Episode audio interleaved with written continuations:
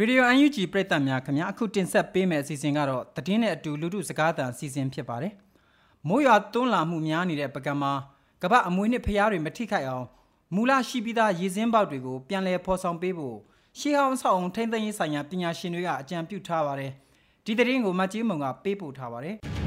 ။မိုးခါမုံတိုင်းတွင်ပကံမှာရွာတဲ့မိုးကြောင့်ဖျားတွေမှာရေဝင်ခဲ့တယ်လို့ပြီးခဲ့တဲ့ရက်အနှဲငယ်ကလည်းမိုးကြီးရွာခဲ့လို့ အာနန္ဒာနဲ့ရွှေစည်းကုံဖျားရင်ပြင်တွေမှာဒူးကောင်းလောက်ထိရေတွေနစ်မြုပ်ခဲ့ပါတယ်။အေယာရီမြစ်ကြီးပေးမှာတည်ထားတဲ့ဖျားပေါင်းအစုအဝေးရဲ့ရှေးရခင်ကလေးကရှိခဲ့တဲ့ပိတ်ဆို့နေတဲ့ရေစီးရေဆင်းရာလမ်းကြောင်းတွေကိုပြန်လည်ဖော်ထုတ်ပေးဖို့ပညာရှင်တွေက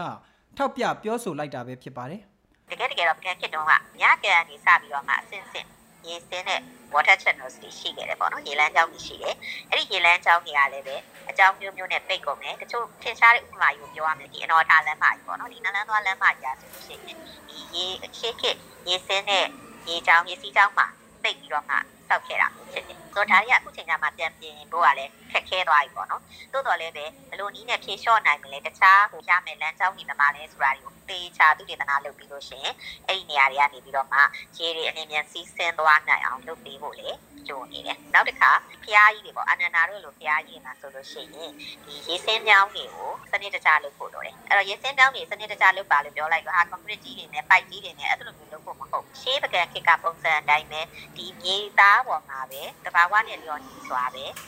ရေစင်းတဲ့နေရာလေးတွေဖြစ်လာအောင်ဒါမျိုးဖော်ဆောင်ပေးရမှာဖြစ်တယ်ပေါ့ဒါကတော့လက်တလောလုပ်ဖို့အချက်ပေါ့ဒါနဲ့ဒါရေလိုနဲ့ခဏလေးနဲ့ဖြည့်ရှင်းလို့ရတာမဟုတ်ဘူး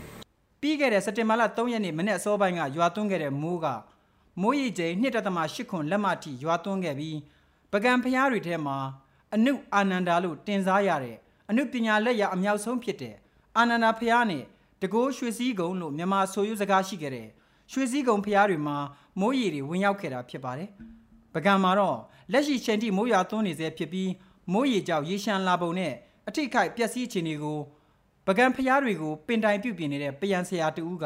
အခုလိုပြောပြပါတယ်ဟိုမိုးကတော့ရွာသားတော့ညောင်းနေကိုတက်ပလိုက်တာလေအခုအာနန္ဒာနဲ့လည်းရေကလည်းဒူးစစ်လောက်ရောက်သွားတာပြည်ကြီးကုံကလည်းအဲ့လိုဒူးစစ်လောက်ရောက်သွားတယ်ကြီးခွင်နှန်းကျိုးတို့ချင်းပိတ်တို့တို့မိုးရွာတော့အကုန်လုံးပြုတ်ကြပြီးတော့ပြုတ်ကြကုန်တာပေါ့အဲ့ဒါတွေကတော့အကုန်လုံးပြင်ပြီးပါပြီ ကမ္ဘာရှိဟောက်အမွေနှစ်ဖြစ်သတ်မှတ်ခံထားရတဲ့ပကံဖျားတွေကမြန်မာတွေရဲ့နှလုံးသဲပွက်ဖြစ်တယ်လို့ကမ္ဘာခီးသွွားဒေတာတစ်ခုလည်းဖြစ်ပါတယ်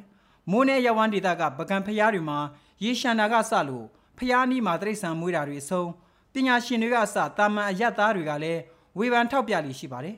ရာသီဥတုပြောင်းလဲလာတဲ့ဆိုးကျိုးတွေကိုတနိုင်ငံလုံးနှိပါခံစားရတယ်လို့ရှေးဟောင်းပကံဒေတာကလည်းခံစားနေရတာဖြစ်ပါတယ်ပြီးခဲ့တဲ့ဧပြီလအတွင်းက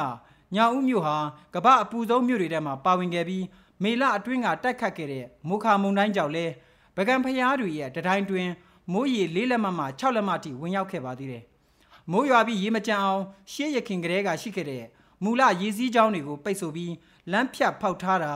အဆောက်အုံဆောက်လုပ်တာစတဲ့စီမံခန့်ခွဲမှုအမှားတွေကိုအချိန်မီပြုတ်ပြင်နိုင်ပြီးကမ္ဘာအမွေနှစ်သတ်မှတ်ခံထားရတဲ့တံပိုးထားမှုနဲ့ လိုက်လျောညီထွေဖြစ်အောင်ပကံဒေတာကိုအကောင်းဆုံးစီမံခန့်ခွဲနိုင်ဖို့အကြံပေးထောက်ပြပြောဆိုနေကြတာဖြစ်ပါတယ်။အခုတင်ဆက်ပေးခဲ့တဲ့မြေပြင်သတင်းအကြောင်းအရာကိုရေဒီယိုအန်ယူဂျီသတင်းတောက်မတ်ကြီးမုံကပေးပို့တာဖြစ်ပါတယ်ခင်ဗျာ။